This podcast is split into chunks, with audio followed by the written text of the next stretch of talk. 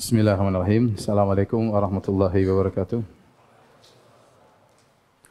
Alhamdulillahi ala ihsanih wa syukru lahu ala taufiqihi wa amtinanih wa asyhadu an la ilaha illallah wahdahu la syarika lahu ta'ziman li sya'nih wa asyhadu anna Muhammadan abduhu wa rasuluhu da'ila ridwanih.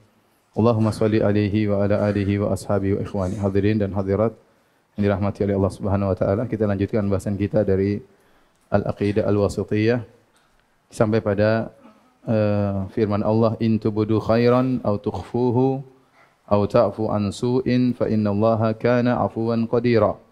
Jika kalian menampakkan kebaikan atau kalian menyembunyikannya atau kalian memaafkan dari orang yang berbuat salah kepada kalian, berbuat zalim kepada kalian, fa innallaha kana afuwan qadira. Sungguhnya Allah uh, Maha Pengampun dan Maha Kuasa. Ayat-ayat uh, selanjutnya juga wal ya'fu wal yasfahu maafkanlah dan berlapanglah dada. Ala tuhibbuna ayaghfirallahu lakum. Tidakkah kalian suka jika Allah mengampuni kalian? Di sini ada sifat maghfirah. Kemudian ayat berikutnya walillahil izzatu walirasuli walil mu'minin hanya milik Allah lah keperkasaan dan juga milik Rasulullah dan milik kaum mukminin. Dan ayat terakhir yang kita bahas pada malam hari ini perkataan iblis qala fa bi izzatika la aghwiyannahum ajma'in. Berkata iblis demi keperkasaan engkau ya Rabb sungguh benar-benar aku akan menyesatkan mereka seluruhnya ya. Tapi ini ada beberapa ya e, sifat yang disebutkan oleh Syekh Islam Ibnu yang terkandung dalam ayat-ayat tersebut yang termasuk dari sifat al-fi'liyah atau al-ikhtiyariyah ya. ya. sifat fi'liyah atau sifat ikhtiyariyah yaitu sifat yang berkaitan dengan kehendak Allah. Kalau Allah hendak melakukan, Allah lakukan. Jika tidak, maka tidak. Beda dengan sifat zatiyah yang selalu menempel pada Allah Subhanahu wa taala yang selalu ada dalam diri Allah Subhanahu wa taala. Yang pertama firman Allah Subhanahu wa taala surat An-Nisa ayat 149 in tubudu khairan au tukhfuhu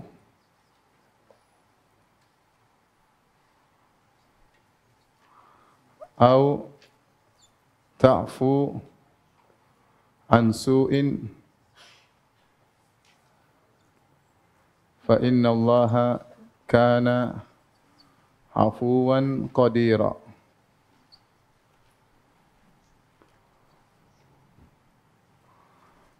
Taib. Pada ayat ini yang menjadi poin pembahasan kita adalah sifat afuwan. Allah memiliki sifat al-afu. Al-afu ya. Uh, dan ini banyak dalam ayat ya. Demikian juga dalam hadis Allahumma innaka afuun apa? Allahumma innaka afuun tuhibbul afwa fa'fu anni. Fa'fu anni.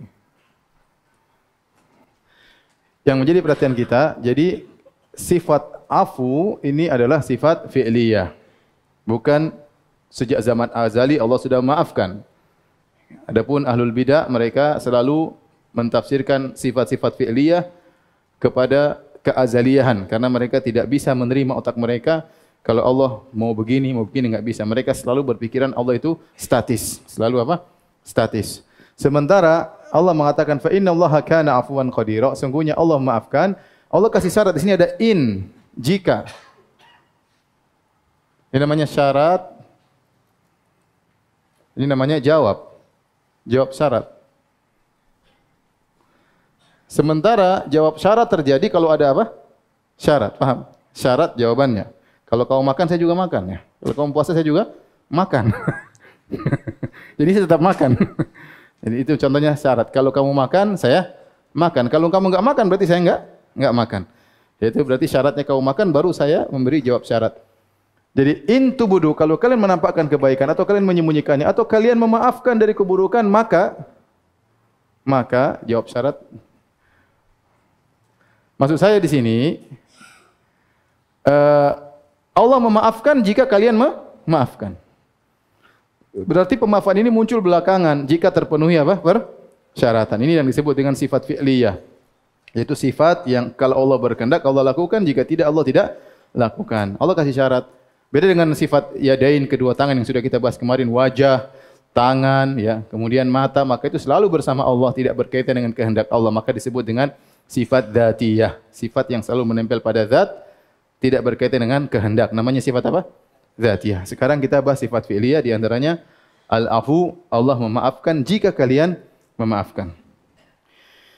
Di sini Allah menyebutkan tiga amal soleh. Yang pertama, in tubudu khairan, kalau kalian menampakkan kebaikan, oke, okay. atau kalian menyembunyikan apa? Kebaikan, ini juga baik seperti firman Allah Subhanahu wa taala, in tubudu sadaqati fa ni'mahi, kalau kalian nampakkan sedekah itu baik, yang penting ikhlas. Wa in tukhfuha, kalau kalian sembunyikan, wa tu'tuhal fuqara, kalian berikan kepada orang fakir, fa huwa khairul lakum, maka lebih baik. Disembunyikan lebih baik daripada ditampakkan. Cuma hanya saja dalam masalah ibadah, asal dalam perkara wajib adalah ditampakkan. Asal dalam perkara sunnah, asalnya disembunyikan. Asalnya kita sholat jamaah, kita tampakkan. Kan syiar. Ya, sholat berjamaah kita tampakkan syiar. Bayar zakat, asalnya kita nampakkan. Supaya orang tidak suudon kepada kita.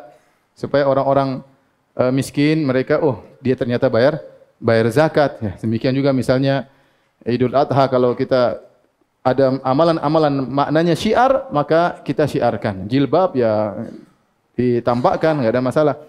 Tapi kalau amalan sunnah asalnya disembunyikan. Baik, fa inna Allah kana afuwan qadira. Uh, di sini ada sifat al-afu. Apa bedanya al-afu dengan dengan al-ghufran atau al-maghfirah. Datang dalam ayat selanjutnya ya, datang dalam ayat selanjutnya Allah menggabungkan antara al-afu dan al-maghfirah ya. Kata Allah Subhanahu wa taala, "Wal ya'fu wal yasfahu."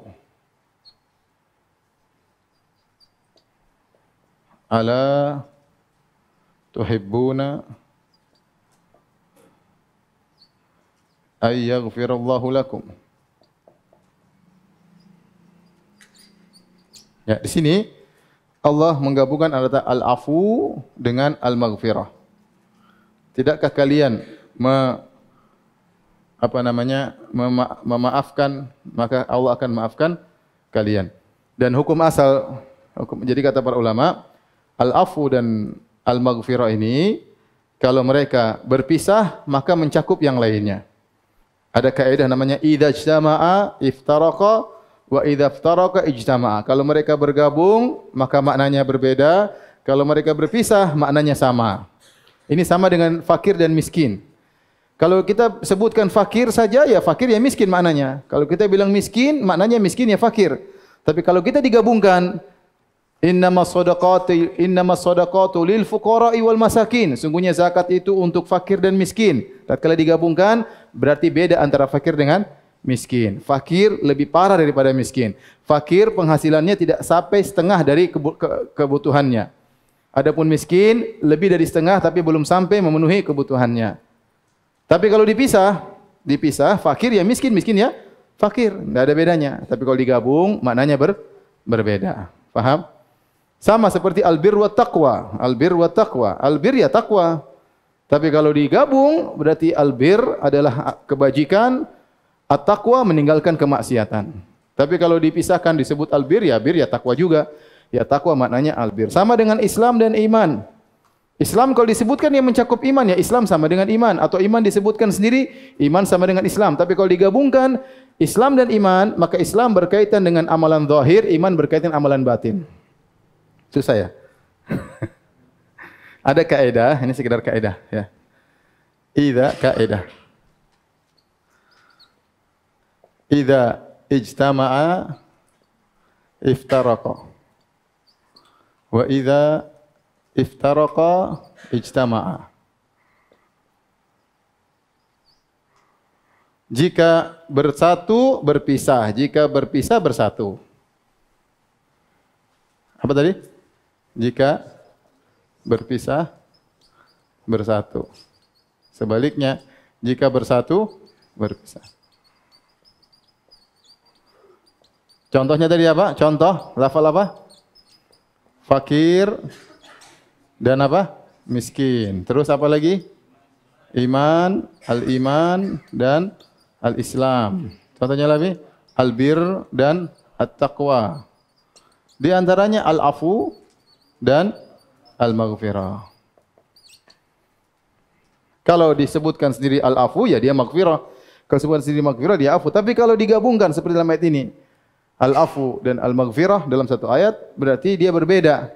Karena hukum asal waw yaqtadil mughayarah. Kalau ada waw dan dan berarti harusnya berbeda. Taib. Apa maknanya uh, al-afu dan al-maghfirah bedanya apa? Ya.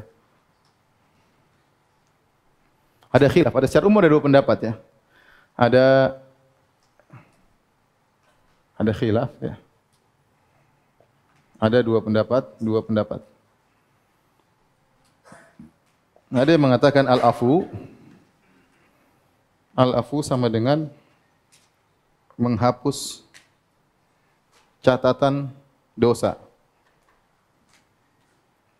Al-maghfirah uh, memberi sekedar memberi ampunan.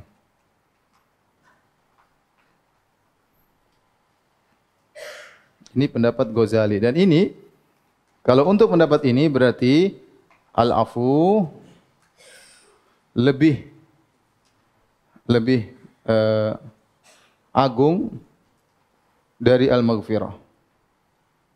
Dari al-maghfirah. Karena al-afu bukan hanya dimaafkan, bahkan dihapuskan apa? Catatannya. Pendapat kedua, al-afu tarkul mu'aqabah. Tarkul al-mu'aqabah. Yaitu ditinggal eh, apa? Tidak dihukum. Adapun al-maghfirah yaitu disertai dengan As-sitr ya ditutup aib. Ya, disertai disertai dengan ampunan. Dalam hal ini pendapat ini berarti al-afu al-maghfirah al-maghfirah lebih agung dari al-afu. Dan ini pendapat Syekhul Islam Ibn Taimiyah rahimahullahu taala. Bahkan kata Ibn Taimiyah al-maghfirah kalau Allah sudah mengampuni seorang bukan hanya ditutupi, bukan hanya diampuni, bahkan Allah iqbal alaihi yaitu Allah perhatian kepada dia ya. Ya, karena banyak ayat-ayat yang menunjukkan jika Allah sudah mengampuni seorang, Allah mencintainya. Allah men mencintainya. Allah alam tapi intinya ada bedanya jika dipisah.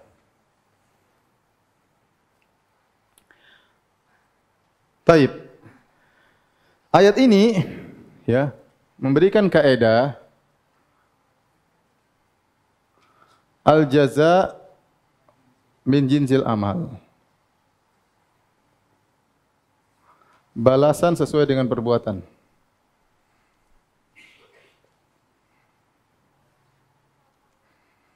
Kenapa? Anda memaafkan maka Allah juga memaafkan. Au ta'fu ansu Au ta'fu ansu. Atau kau memaafkan. Kau memaafkan orang yang bersalah kepadamu.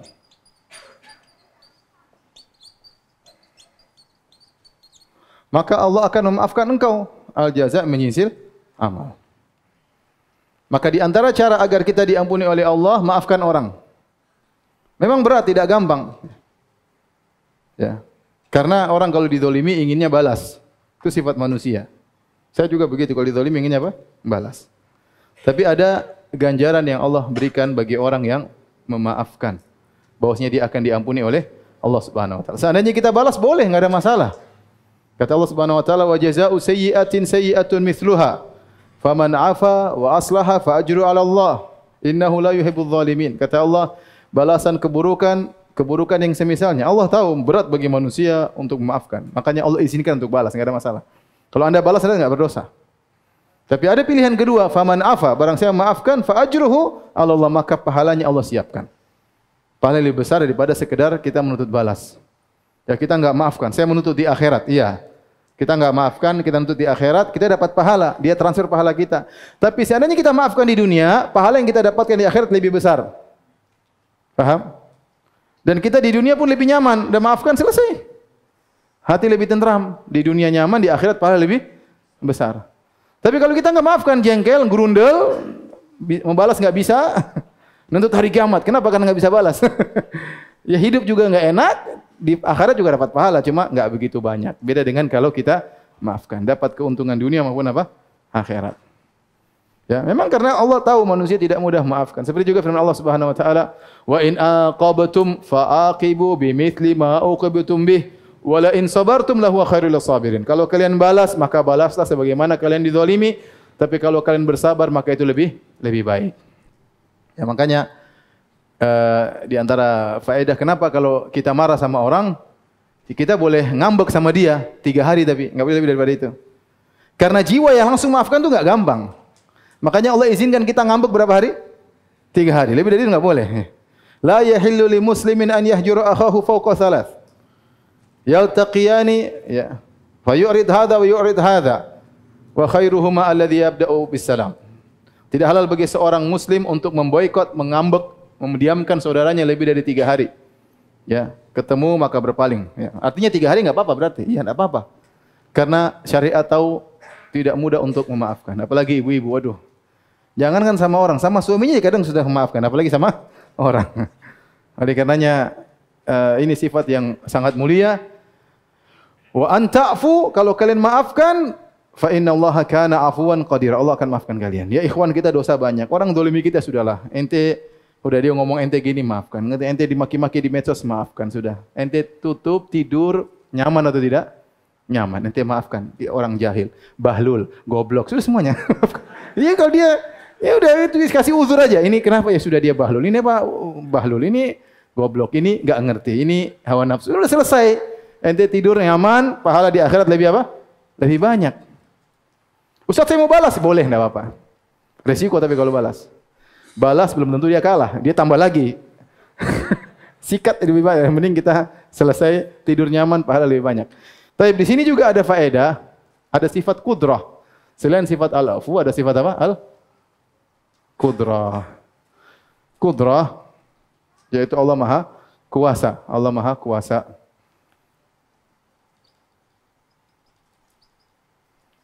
Allah Maha Kuasa. Kita tahu Allah, Inna Allah ala kulli syai'in qadir, Allah Maha Kuasa atas segala sesuatu.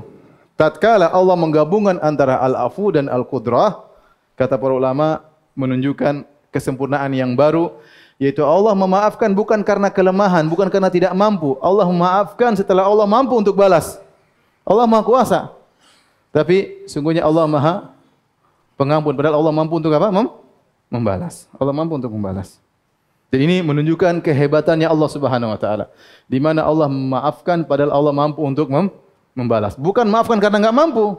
Betapa banyak orang memaafkan tapi kan dia tidak mampu. Dia tidak mau membalas. Karena kelemahannya ya sudahlah saya maafkan. Ya. Beda tatkala orang mampu untuk membalas kemudian dia maafkan, maka itu luar biasa. Maka itu luar luar biasa ya.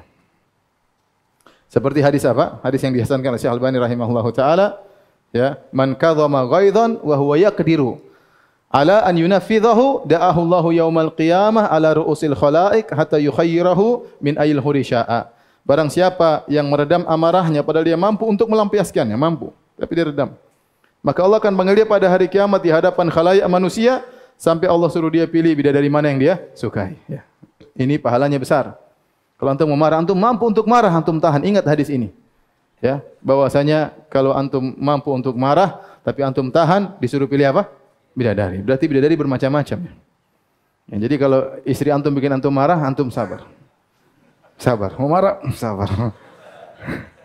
Loh mas kok sabar? Nabi bersabda barang siapa yang meredam amarah dia mampu melampiaskannya maka nabi suruh Allah akan suruh dia pilih bidadari yang dia sukai. Ya. Ya, tambah parah marah istri. Kita tambah memaafkan. Bidadarinya tambah cantik, santai. Jadi inilah ya. Afuwan qadira yaitu Allah memaafkan pada Allah mampu. Allah bukan maafkan karena ketidakmampuan, tapi Allah mampu untuk apa? Membalas tapi Allah maafkan. Ya.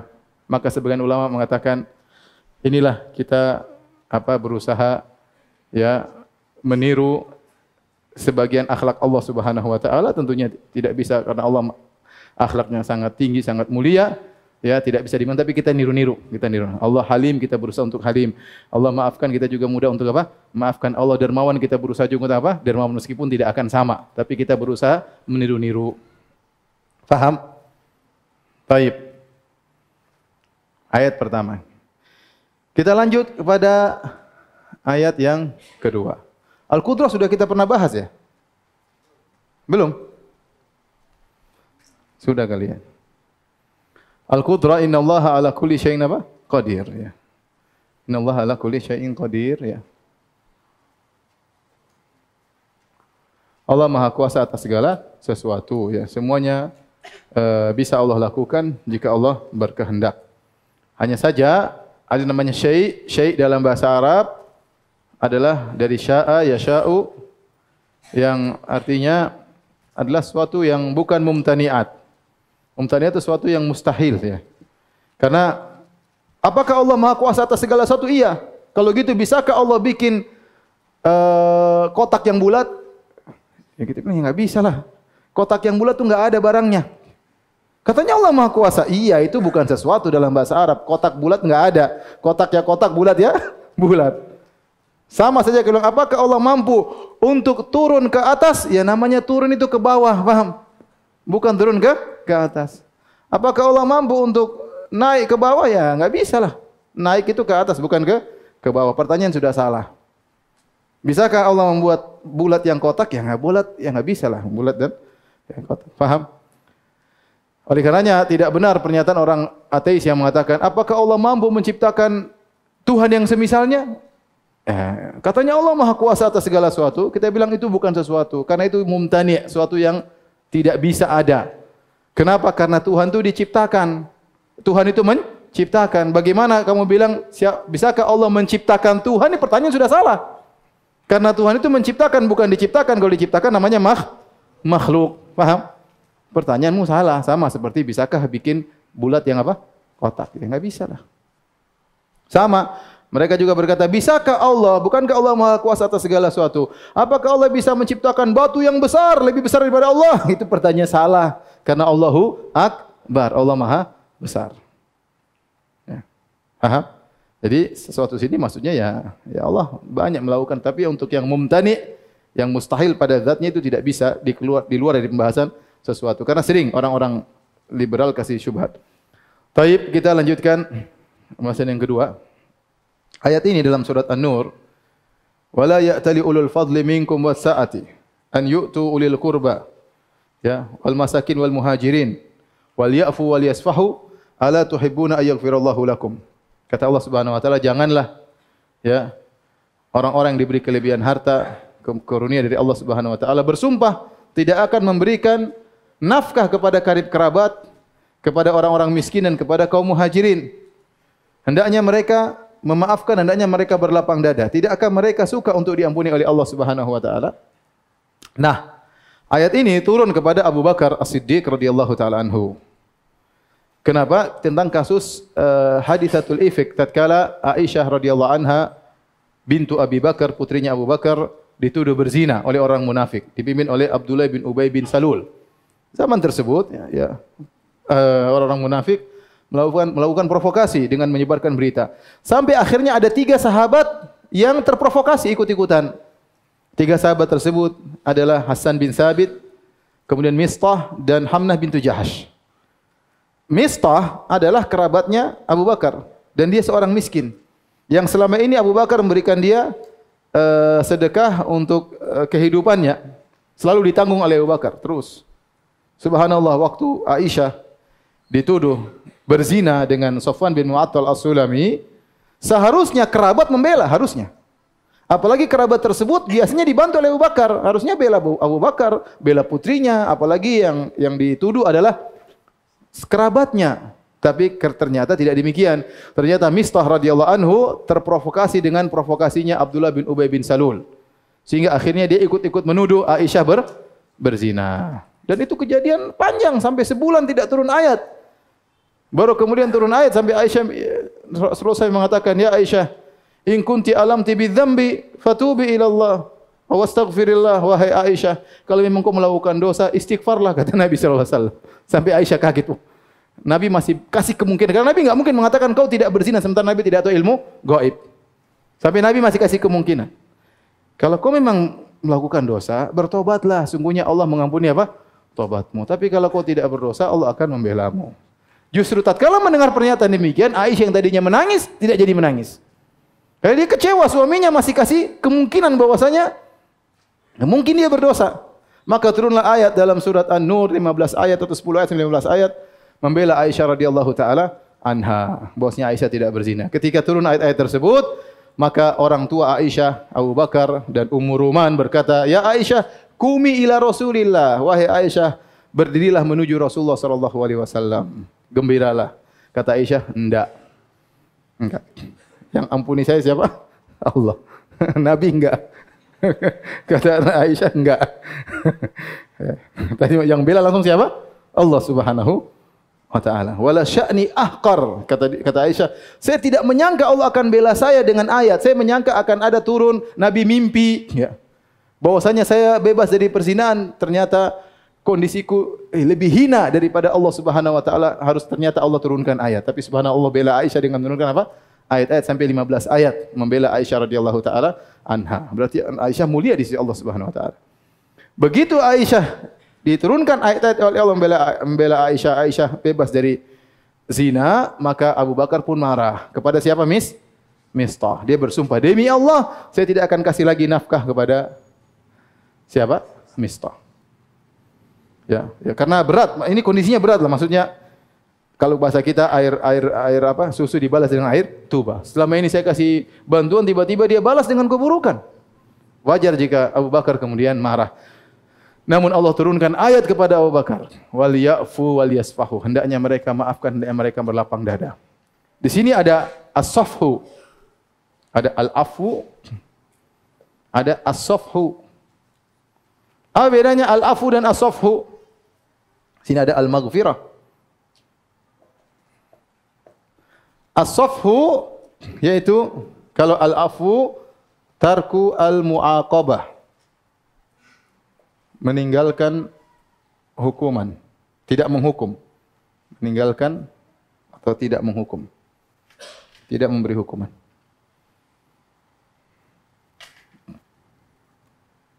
Tidak memberi hukuman. Adapun as-safhu tarku al-mu'atabah. Tidak mencela.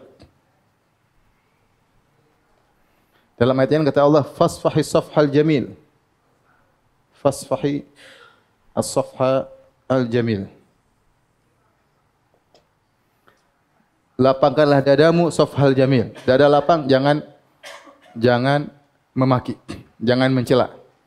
Banyak orang memaafkan, tidak menghukum tapi dia cela. Banyak. Eh, ente memang brengsek. Saya tidak tahu ente, tapi ya sudahlah, saya maafkan.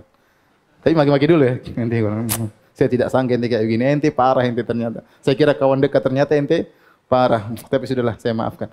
Itu namanya al-afu. Paham? Kalau as-safhu diam. Ya udah, ya udah. Udahlah. Udah pulang-pulang. as-safhu itu tidak mencela, itu berat, berat. Kita manusia lemah ya, lemah iman. berat ya. Hanya orang-orang hebat yang bisa demikian. Sama Fasbir sabran jamila. Sabar ada dua, ada sabar yang sabar biasa tidak meronta tapi ada keluhan. Adapun sabron jamilan tanpa ada keluhan sama sekali kepada manusia. Ada orang sabar tapi dia mengeluh, ya aduh subhanallah nasib saya begini tapi saya sabar. Datang ketemu lagi, ya saya lagi ya tapi saya sabar. Insya Allah di balik ini ada. Tapi dia ngeluh sama orang. Tapi kalau jam, sabron jamilan itu diem, enggak ngeluh. Tidak semua. Makanya kata siapa namanya Nabi Yakub alaihissalam, Innama ashku bathi wa huzni ila Allah. Aku hanya mengadukan kesedihanku kepada siapa? Allah. Kepada kalian enggak. Itu namanya sabrun jamil. Safu al-jamil maksudnya tidak men mencela. Dan antum kalau bisa demikian luar biasa ya. Berat tapi ya. Berat. Kita sedikit-sedikit emosi. Sedikit apa? Emosi. Subhanallah ya. Ibu-ibu juga demikian. Maafkan suami dengan apa? Safhal jamil. Mas, ah udahlah. Mas stop. Maafkan.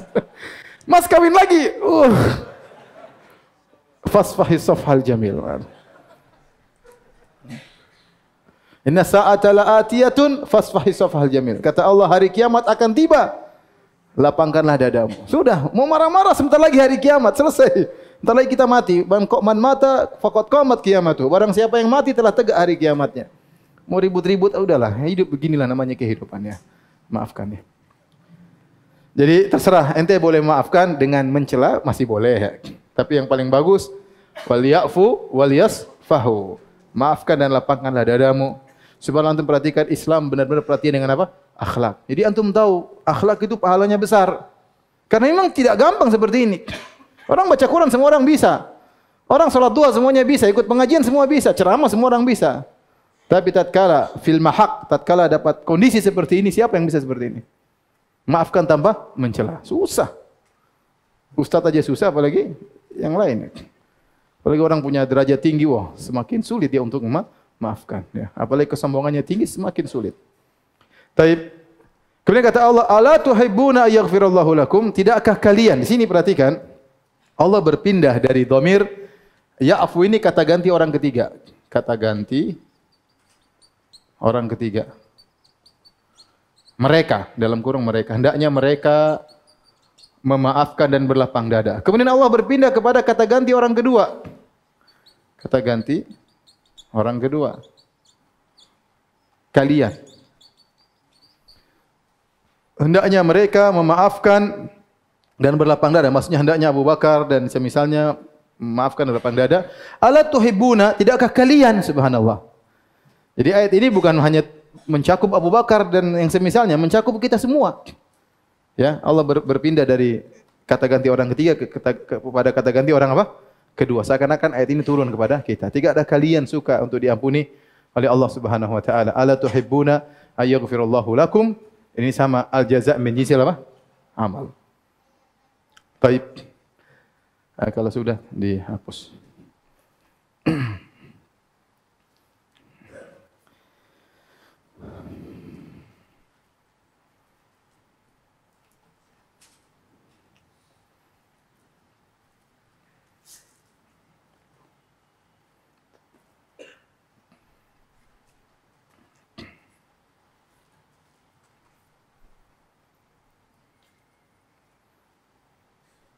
Saya punya kawan dulu, dia marah-marah.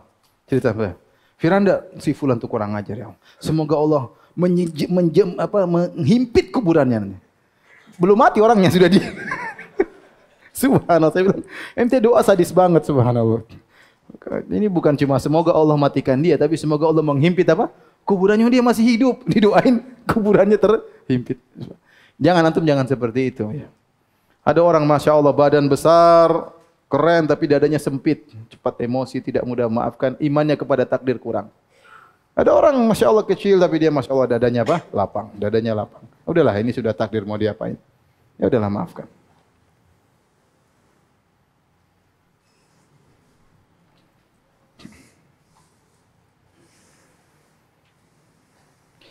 Uh, dua ayat yang selanjutnya yaitu firman Allah Subhanahu wa taala walillahil izzatu walirrasuli walil mu'minin dalam surat munafiqin. Kemudian juga dalam surat Sad, qala fa bi'izzatika la aqwiyannahum ajma'in.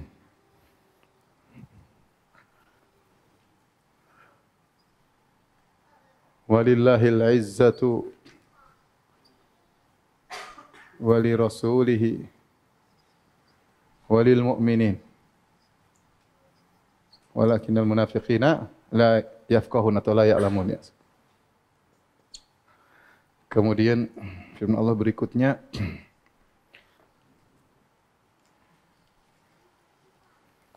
Qala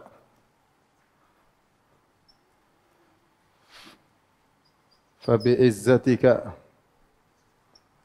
la agwiyannahum ugwiyannahum ajma'in illa ibadaka minhumul mukhlasin. Yang pertama hanya milik Allah lah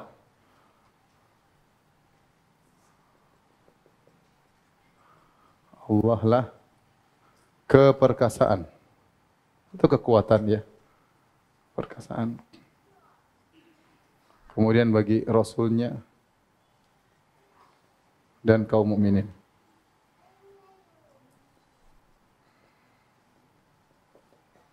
Yang berikutnya iblis berkata, "Fabi izzatika demi keperkasaan engkau engkau ya Rabb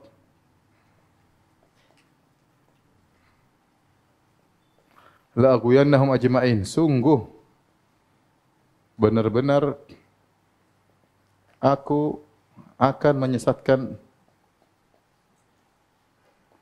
menyesatkan mereka seluruhnya ya yaitu seluruh keturunan Adam. Adam. Semuanya kecuali orang-orang ikhlas di antara kalian. Taib di sini berbicara tentang sifat al-izzah. Sifat apa? Al-izzah. Al-izzah.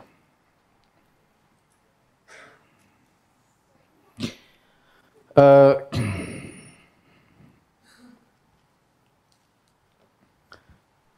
Al-izzah.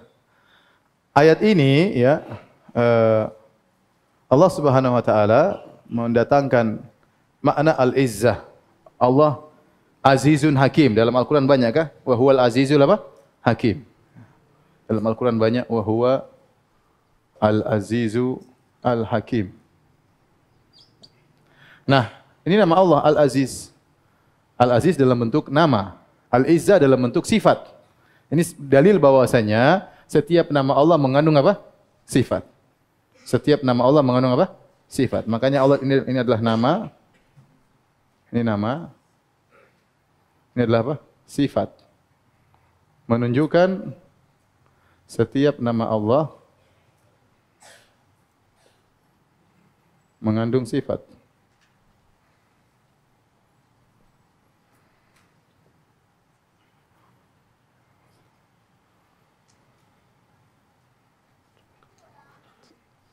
Inna rabbaka ladzu maghfiratin.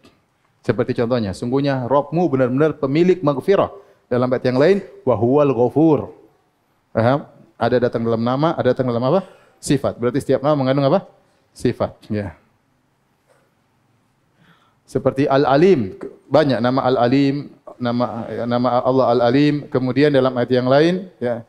Rabbana wasi'ta kulla syai'in rahmatan wa ilma. Ya Rabbku, sungguhnya Ilmu meliputi segala sesuatu. Datang dalam bentuk sifat, datang dalam bentuk nama. Berarti setiap nama mengandung apa? Sifat. Paham ya? Di sini juga ya, namanya qadrul mustarak. Kaidah yang sering kita sampaikan dalam kaidah sifat-sifat Allah bahwasanya sifat Allah secara makna sama dengan sifat kita. Cuma kualitasnya berbeda. Saya sering sampaikan hal ini. Contoh Allah punya kekuatan, kita punya kekuatan. Iya enggak? Kita punya kekuatan enggak? Iya, tapi tentu kekuatan Allah tidak sama dengan kekuatan kita. Tapi sama-sama makna kekuatan kita paham enggak? Paham, sama-sama makna kekuatan. Kita punya ilmu, Allah punya ilmu. Ya. Tetapi ilmu kita tidak sama dengan ilmu Allah, tapi maknanya sama-sama ilmu. Kita melihat Allah melihat, tapi apa namanya? Melihatnya Allah tidak sama dengan melihatnya melihat kita. Sama kita punya tangan, Allah punya tangan, tapi tangan Allah tidak sama dengan tangan kita. Tangan Allah kata Allah Subhanahu wa taala, Wa ma qadarullah haqqa qadrihi wal ardu jami'an qabdatuhu yaumal qiyamati was samawati matwiyatun bi yamini. Mereka tidak mengagungkan Allah sebagaimana mestinya pada hari kiamat bumi dalam genggaman Allah dan langit dilipat oleh tangan kanan Allah. Demikian al-izzah. Allah punya keperkasaan, Rasul punya keperkasaan, kaum mukminin punya keperkasaan. Bahkan digandingkan dalam satu ayat. Walillahil izzatu wali rasulihi wal mu'minin. Allah punya izzah. Rasul juga punya apa? Izzah, mukmin juga punya izzah. Tapi izzahnya apakah sama? Enggak beda. Meskipun maknanya sama. Ini namanya qadrul mustarak, itu satu kadar yang sama tapi hakikatnya kualitasnya berbeda, ya. Dalil akan adanya qadrul mustarak. Ini dalil adanya al-qadr al-mustarak. Itu kadar yang sama kadar yang sama, ada kadar yang sama, tapi kualitas berbeda. Sama-sama memiliki sifat izzah, kadar sifat izzah, sifat atau makna izzah, izzah, tapi kualitasnya apa? Berbeda.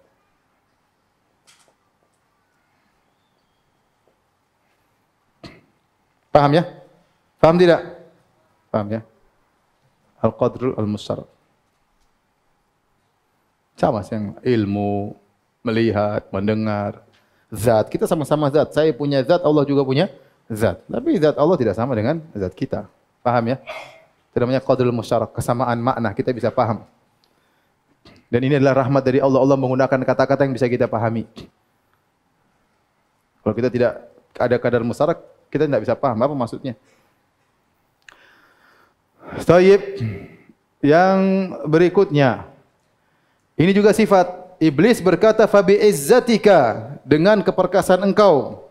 Di sini Iblis bersumpah dengan sifat Allah. Sifat izzah Allah. Dan dan boleh bersumpah dengan sifat.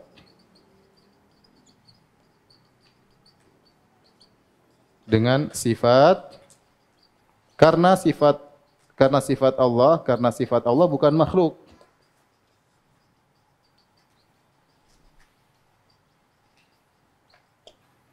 Karena bersumpah dengan makhluk syirik.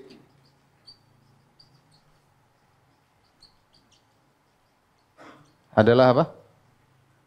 Syirik.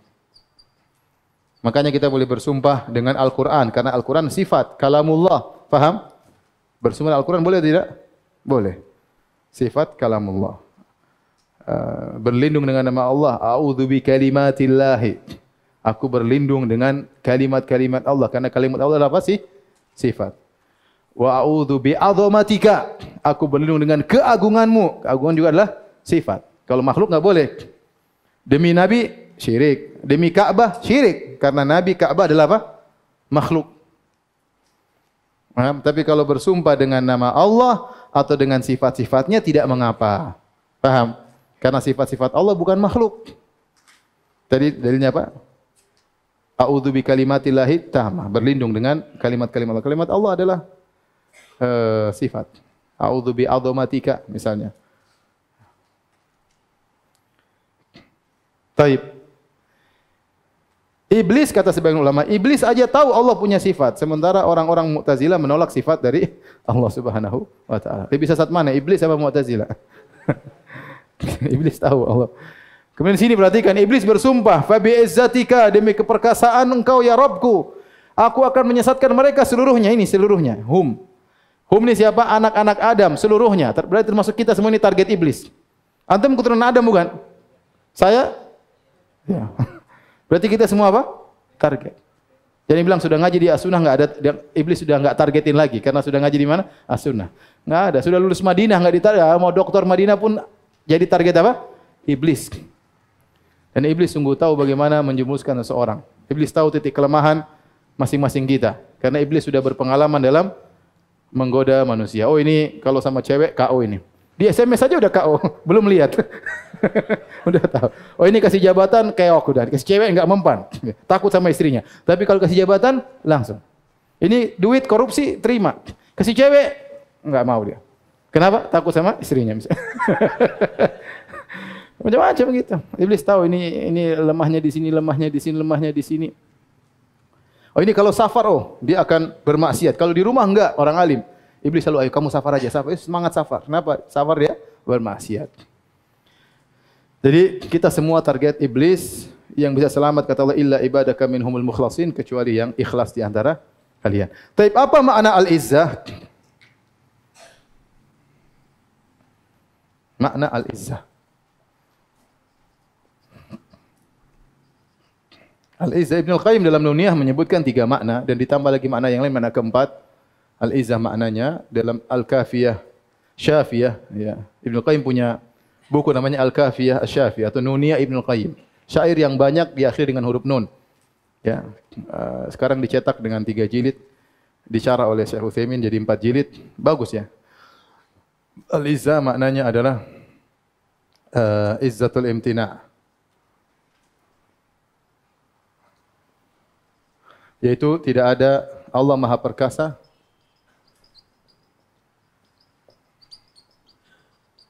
sehingga tidak ada yang bisa yang bisa mengganggu nah menggang memberi kemudaratan kepadanya.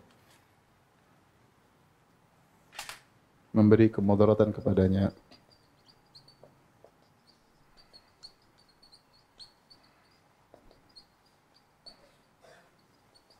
Innahum lan yadurullaha syai'an lan yadurullaha syai'an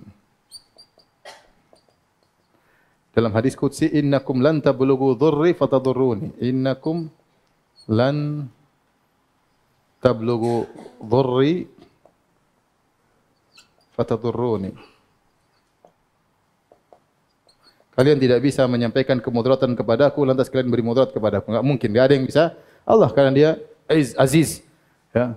Izzatul imtina yaitu dia tidak ada yang bisa mengganggu. Yang kedua al-izzah bermakna kuwah. Al-izzah sama dengan? Al-kuwah. Seperti firman Allah Subhanahu wa taala ya. Fa'azzazna dalam surat Yasin. Fa'azzazna bi thalith. Azaznya itu kami kuatkan. Kami kami kuatkan. Mereka berdua dengan tambahan Rasul ketiga. Mereka berdua dengan utusan yang ketiga. Hmm. Jadi Allah kirim dua Rasul, Allah tambah lagi dengan yang yang ketiga. Fa'azzazna thalith. Jadi izzah artinya apa? Kekuatan. Makna uh, yang ketiga az, uh, al-ghalabah itu mendominasi. Seperti dalam firman Allah Subhanahu wa taala, wa azzani fil khitab. Wa azzani fil khitab yang artinya uh, dia mendominasiku dalam perdebatan.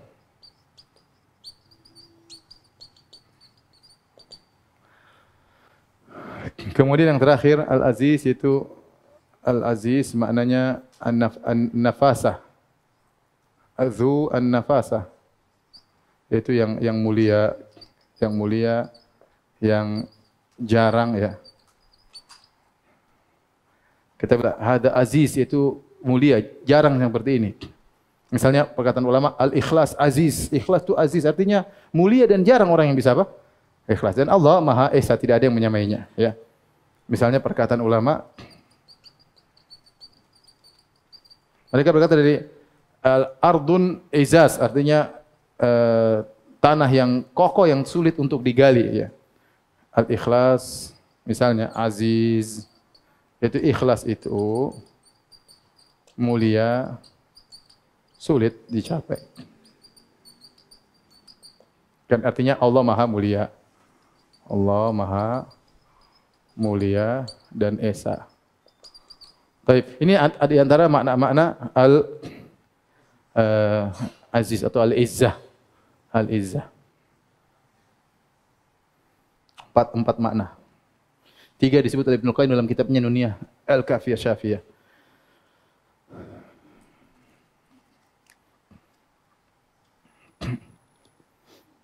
Kalau sudah dihapus ya.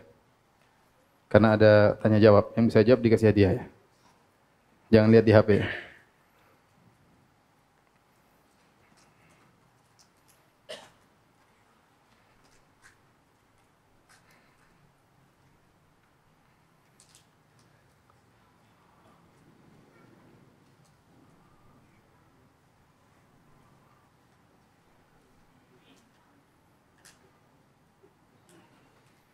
Baik, silakan dihapus.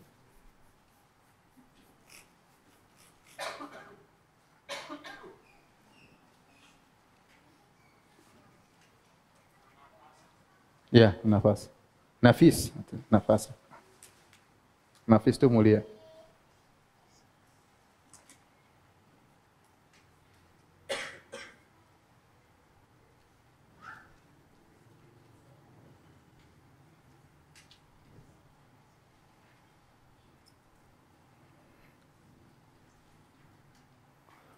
Baik, kita sampai sini saja. Ya, kalau yang bertanya saya persilakan. Sebelumnya saya mau bertanya, yang bisa jawab silakan menjawab ya. Azan dulu ya. Udah masuk belum? Tiga menit. Di jam saya satu menit lagi. jam antum syar'i enggak? Wallah alamnya. Baik, pertanyaan pertama. Siapa yang bisa sebutkan empat makna izzah? Tidak boleh lihat. Hah? Yang dilihat ya, silakan antum. Berdiri. Berdiri, ya. Sebelum azan. Ya. Berdiri, berdiri. Hah.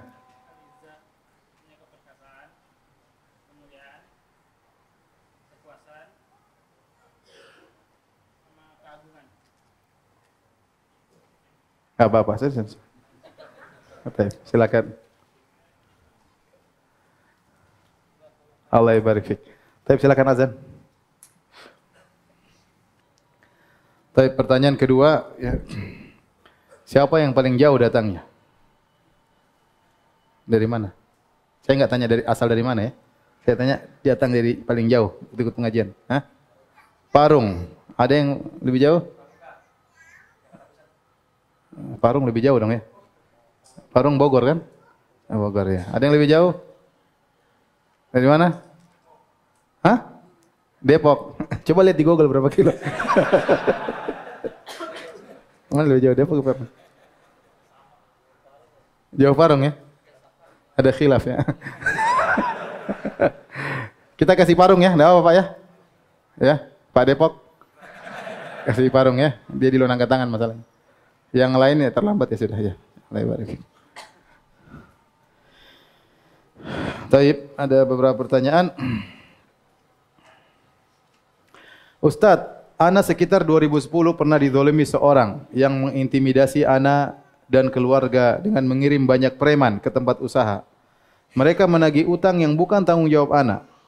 Orang ini masih sering ketemu sama Ana dan sampai sekarang Ana masih buang muka. Ana sudah tidak mempermasalahkannya, tapi berat sekali untuk menyapanya. Bagaimana hukumnya Ustadz? Ya tadi kalau kita mau memaafkan ya tentunya pahalanya apa? Besar. Meskipun terlambat memaafkan tidak masalah ya. Insyaallah kita antum sudah benar tidak mempermasalahkan sudah oke. Okay. Tinggal sekarang ya antum sapa aja nggak ada masalah ya sudahlah. Daripada antum setiap ketemu dongkol di hati ya. ya. Lebih baik seperti itu mengalah kalau ingin diampuni oleh Allah Subhanahu wa taala.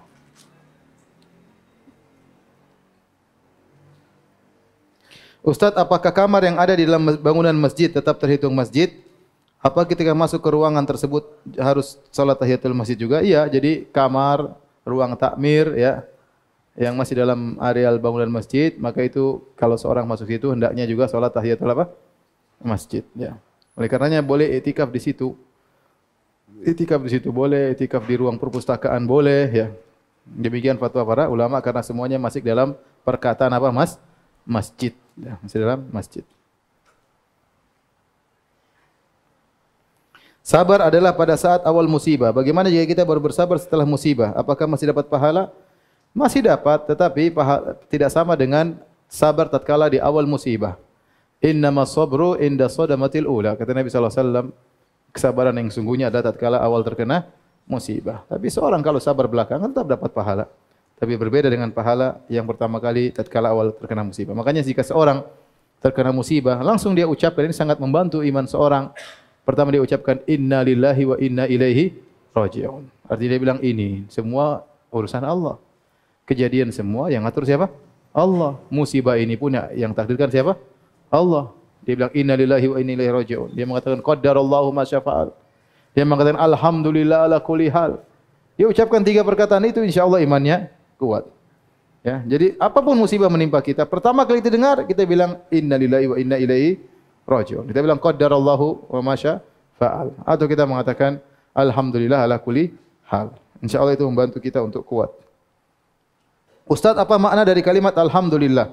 Alhamdulillah alif lam setelah istighraq yaitu alhamdu. Hamdu artinya pujian. Artinya segala pujian yang sesungguhnya hanyalah milik siapa? Allah. Karena dialah Allah yang dipuji dengan zatnya secara langsung. Adapun selain semuanya makhluk dipuji karena bukan karena zatnya tapi karena diberikan kenikmatan oleh Allah Subhanahu wa taala. Kita puji si fulan kenapa? Dia pintar. Yang kasih pintar siapa? Allah Subhanahu wa taala. Dan Allah kita puji dari dua sebab. Pertama dari keagungan zatnya, kedua dari banyaknya karunia-Nya. Dua sebab ini kita memuji Allah. Kita memuji Allah karena subhanallah Allah Maha Aziz, Maha Izzah, Allah Maha Qadir, Allah Maha Al-Afu. Kita puji Allah dari sisi itu.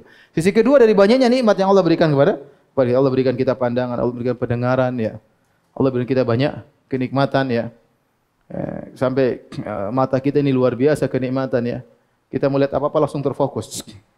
Beda kalau kita pakai kamera diatur dulu pakai iPhone aja kita kadang atur depan baru kemudian fokus. Mata ngelihat langsung apa? Fokus. Apalagi kalau nador, oh langsung fokus.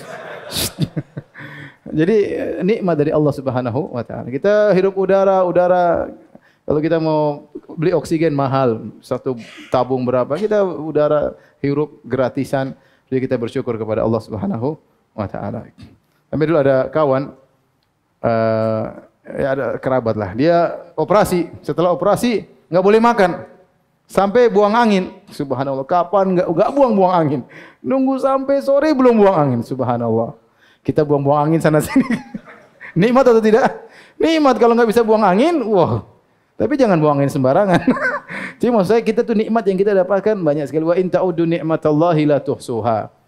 Kalau kalian menghitung nikmat Allah, kalian tidak akan bisa menghitungnya. Tapi innal insana la zalumun kafar. Manusia sering zalim dan sering ingkar ya. Kita saking banyaknya nikmat seakan-akan dan banyak nikmat yang kita dirasakan. Contoh detak jantung. Ini kan kita tidak lihat tapi anggota tubuh kita ini berjalan dengan yang atur siapa Allah ya. Allah mengatur detak jantung kita, Allah mengatur paru-paru kita ya. Kalau Allah berhentikan sedikit, repot kita tewas. Allah kasih virus corona, paru-paru ber, bermasalah, terus mati. Ginjal kita, semuanya ini yang gerakan Allah. Setiap saat Allah gerakan. Tapi karena seakan-akan sudah terbiasa, ini nikmat yang terlupakan.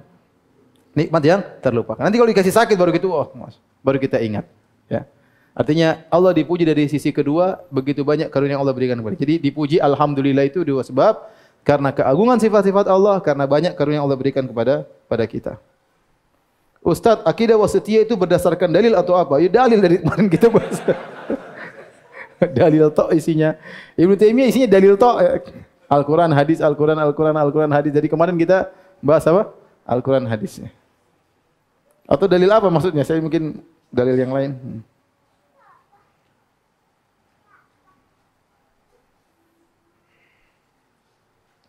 Bolehkah menamakan anak khairun nisa wanita terbaik? Kita berusaha uh, tidak memberikan nama-nama yang memberikan uh, re rekomendasi ya. Seperti tazkiyah, seperti khairun nisa wanita terbaik. Ya, kemudian khairul ummah ya. Saya punya ponakan namanya khairul ummah. apa umat terbaik ya. Mungkin maksudnya umat Islam ya. Tapi kalau maksudnya dia adalah dari orang yang terbaik dari umat, merepot ya. Seperti uh, apa namanya uh, uh, Nasiruddin misalnya penolong agama itu nama-nama yang uh, para ulama tidak suka ya. ya. Kecuali dinamakan orang tua mau diapain. Tapi kita berusaha hindarkan nama-nama tersebut ya. Ya nama-nama seperti itu. Nasiruddin ternyata misalnya nakal, repot kan? Penolong agama tapi Tiap hari main game online. Misalnya, repot ya. Repot. Ya. Eh, Syarafuddin, kemuliaan agama. Ternyata tidak mulia misalnya. Itu yang kita khawatirkan ya. Karena para sahabat namanya nggak ada yang begitu-begitu. Namanya biasa-biasa aja. Ya. Uh, sampai saya punya kawan dulu namanya Lahmuddin. Lahm itu daging artinya. Apa maksudnya daging agama? Saya juga nggak paham. Ya. Najmuddin, bintang agama, macam-macam nama-namanya. Kita hindari nama-nama tersebut. Saya tidak mengatakan haram tapi hindari nama-nama tersebut. Nama-nama Aisyah misalnya nama-nama kita nama-nama orang wanita-wanita soleha enggak apa-apa.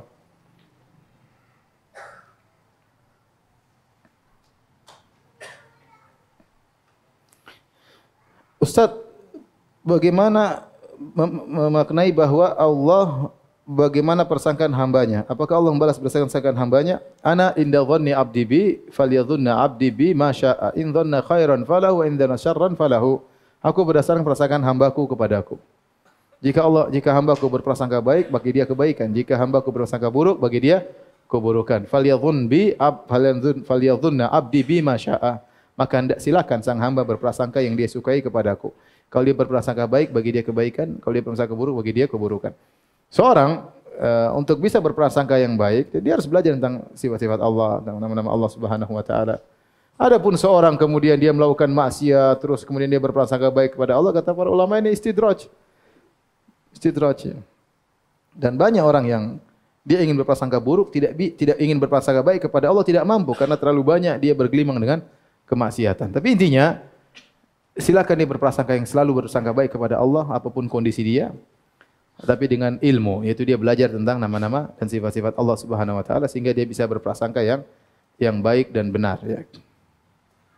Adapun berprasangka baik tapi salah misalnya bermaksiat tapi masuk surga, saya prasangka baik meskipun saya maksiat Allah masukin surga itu itu ngawur namanya. Prasangka baik tapi apa? Ngawur karena bertentangan dengan dalil-dalil itu maksud saya. Jadi prasangkaan baik tapi dibangun di atas apa? Ilmu. Tapi demikian kajian kita. Insya Allah kita lanjutkan Sabtu depan ya karena Jumat depan Insya Allah di Masjid As-Saf ya akan bahas tentang tanda-tanda hari kiamat ya. Insya Allah ber berseri-seri kita akan bahas tanda-tanda hari kiamat kecil baru kemudian tanda-tanda hari kiamat besar insya Allah. Subhanakallah bihamdik asyhadu an la. Assalamualaikum warahmatullahi wabarakatuh.